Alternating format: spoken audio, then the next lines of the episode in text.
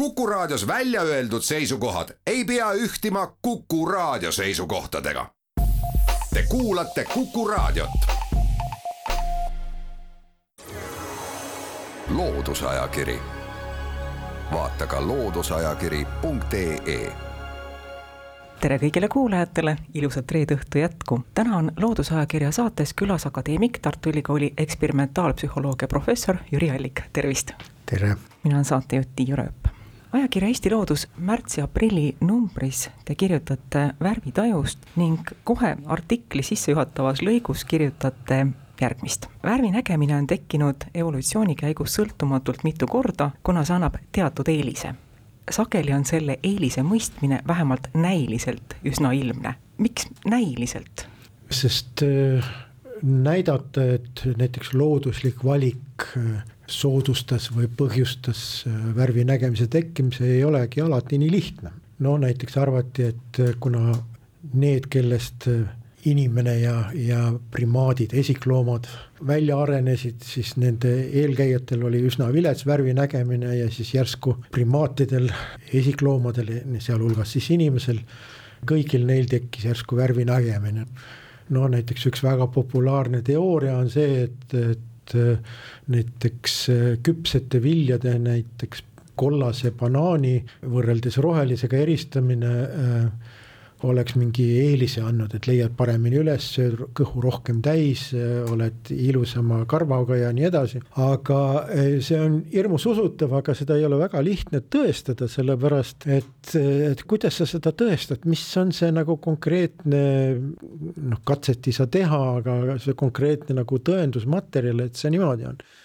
See on usutav, aga selle, selle tõendusi eh, ei ole väga palju lisaks, äh, kuna äh, toimetaja minu käest selle artikli tellis, siis ma, äh, kuigi värvi nägemine ei ole otseselt minu eriala, kuigi ma uurin nägemistaju enamuse ajast oma elus, aga, aga siis värvitajuga ma ei ole tegelenud, otseselt muidugi kirjandust olen lugenud ja ülevaateid olen kirjutanud, aga niisugust nii-öelda kätt juurde pannud ja katset ei ole teinud aga siis see, kui mõelda selles, et kuidas see katse peaks nagu välja nägema, mis siis nagu tõestab, seda on väga raske ette kujutada, nii et. aga värv on, kuidas nüüd öelda, niisugune legendaarne või niisugune musternäide või, või niisugune pailaps või, või viiemees meie valdkonnas, sellepärast et esimene koht, kus tõenäoliselt äh, ütleme, mõistmine ja teooria, mis seda nähtust kirjeldab, valmis saadi, oli just värvi nägemist ja mind see natuke tükk aega isegi nagu kummitas selles mõttes, et noh, tundub, et värvi nägemine on väga keeruline ja, ja kuidas küll värvi näha, aga tuleb välja seda, et värvi nägemine on kõige lihtsam asi nägemises üldse. see, seal on, seal ei ole ei mingit saladust, seal ei ole mingisugust, mingisugust niisugust erilist äh, raskust või nippi, mida, mille pead oskama, et aru saada, kuidas see toimub. värvi nägemisel on väga lihtne asi, sa pead äh, spektrit vaatama kolmes erinevas osas. Ja mitte väga kitsas osas, aga kolmes erinevas osas, laia niisuguse pilguga või laia valivusega, äh, niisuguse filtriga, ütleksime niimoodi, ja, ja see on kõik. sest te tegelikult värvi nägemine, kui vaadata neid värvitaju teooriaid, siis värvi nägemine ja see juba üheksateistkümnenda sajandi keskel oli täiesti selge, et värvi nägemine on selle välja nuputamine, et sul on olemas kolm arvu üks on äh, nii, nagu me silm näeb, on punane, roheline ja sinine. kuidas on siis rohelise arv, sinise arv ja punase arv ja need kolm arvu kombinatsioonides mingites annavad siis selle värvi, mida me näeme, olgu see siis oranž või, või, või siis äh, kollane või, või violettne või, või midagi enamat, nii et tegelikult nii-öelda äh, niisuguse teooria või niisuguse seletuse seisukohalt on värvi nägemine üsna lihtne asi, see on kolme asja kokkupanemise probleem, see on nii nagu Lego öö, mänguasi, milles on ainult kolme liiki tükke ja sa pead siis nendest siis kolmest tükist nagu selle asja, mida me siis värviks nimetame, siis kokku panema ja, ja see ongi kõige naljakam, et see ongi peaaegu kõik värvi nägemise juures on oluline, mitut värvipigmenti kasutatakse nägemiseks? jah, aga see on natuke üle paisutatud selles mõttes, et ähm, näiteks üks väga huvitav mees oli Edwin Land, kes sai kuulsaks sellega, et ta avastas väga lihtsa meetodi, kuidas teha polaroidi, polaroid on siis see, mis kuna elektromagneetiline võnkumine toimub kõikides nii-öelda suundades, aga tema võttis siis Polaroid, laseb läbi ainult, kui on Polaroid filter, siis ta laseb läbi elektromagneetilise võnkumise ainult ühepidiselt. ja tema tegi siis selle kuulsa Polaroidi firma, oli selle nii-öelda asutaja ja, ja omanik tema kõige kuulsam leiutis on kõik vast va, vähemalt vanemad inimesed mäletavad, et oli täiesti niisugune sensatsioon, kui loodi siis Polaroid kaamera, mis oli siis momentvõttega, tegi värvipilte, vot see mees siis leiutas selle välja. Ja tema oli väga, kuna teda huvitas värvusfotograafia, siis väga pikka aega ta püüdis tõestada kogu maailmale, et kolme värvi ei ole vaja et samasuguse värvifotograafia saaks teha kahe värviga. Noh, hiljem ta andis nagu alla äh, ja noh, mitte alla ei andnud, aga noh, jõudis siis nagu siis selle, kuidas nüüd öelda, kehtiva teadusega või, või siis valitseva teadusega kokkuleppele, et no ja okei okay,, et, et, et no muidugi kolmega on ikka parem ja selle tõestus on see, et Polaroidi kaameras äh, on ka kolme värvisüsteem on seal olemas, mitte kahe värvisüsteem aga tema demonstratsioon oli iseenesest hästi huvitav, mida, kes on vähegi huviline, võivad väga hästi seda korrata. nimelt ta võttis ühe kaameraga äh, kaks pilti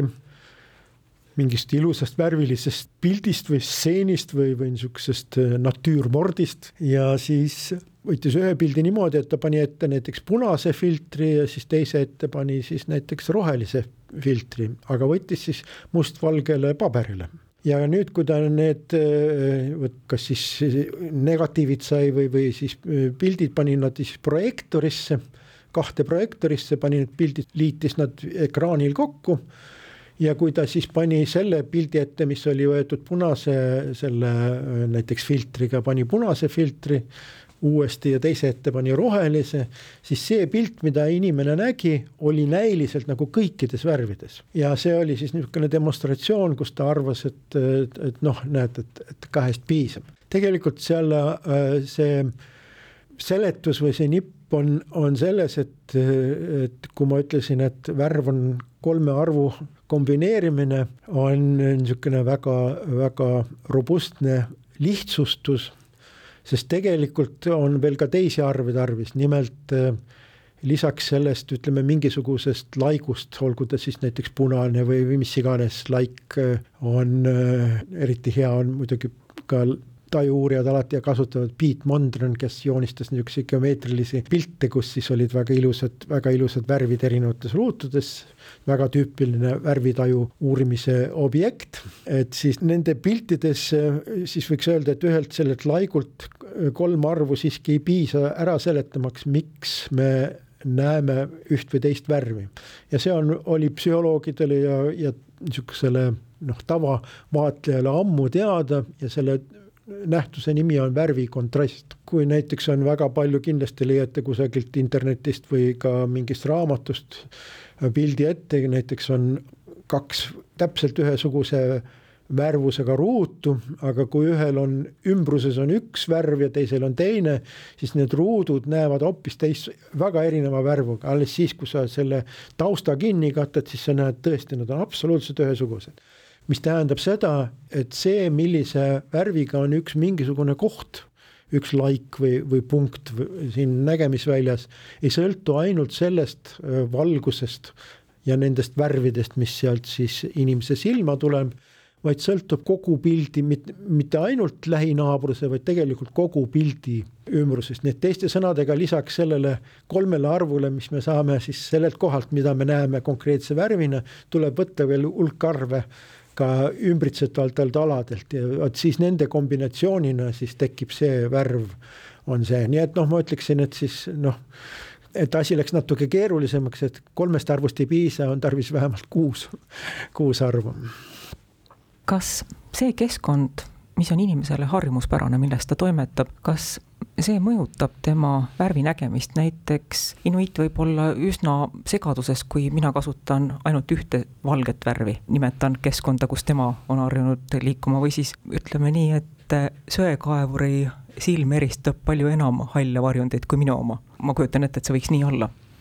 ma ei tea selliseid andmeid või katseid,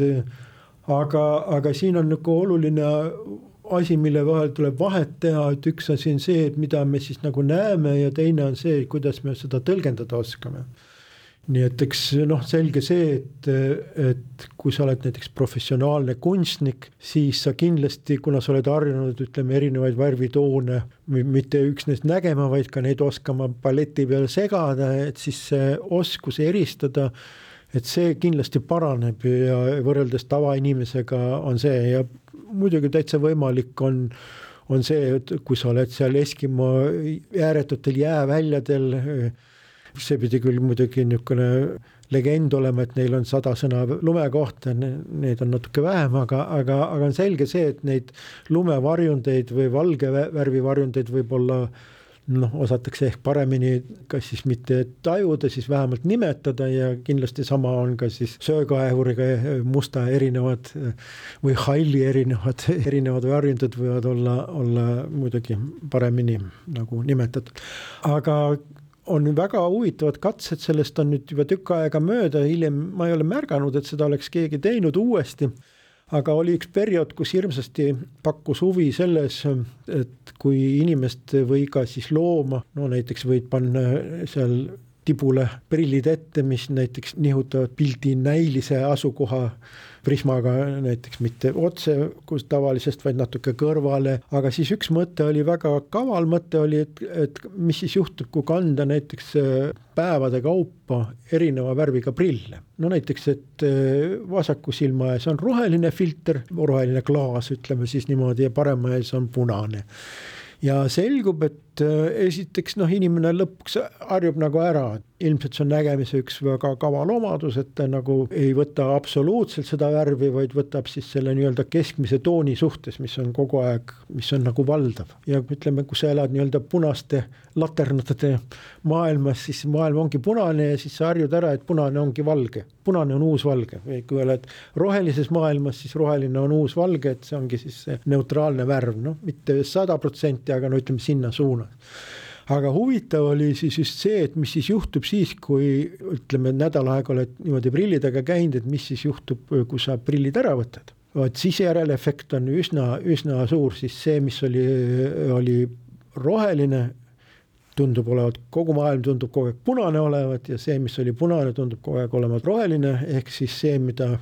kunstnikud kindlasti hästi teavad ja igasugune niisugune värviharmoonia õpetus ütleb, et on olemas niisugused vastandvärvid. ja vastandvärvi on väga lihtne äh, igalühel omal kodus teha, mina mäletan, kui mina olin äh, noor, siis mulle hirmsasti meeldis igasuguseid selliseid asju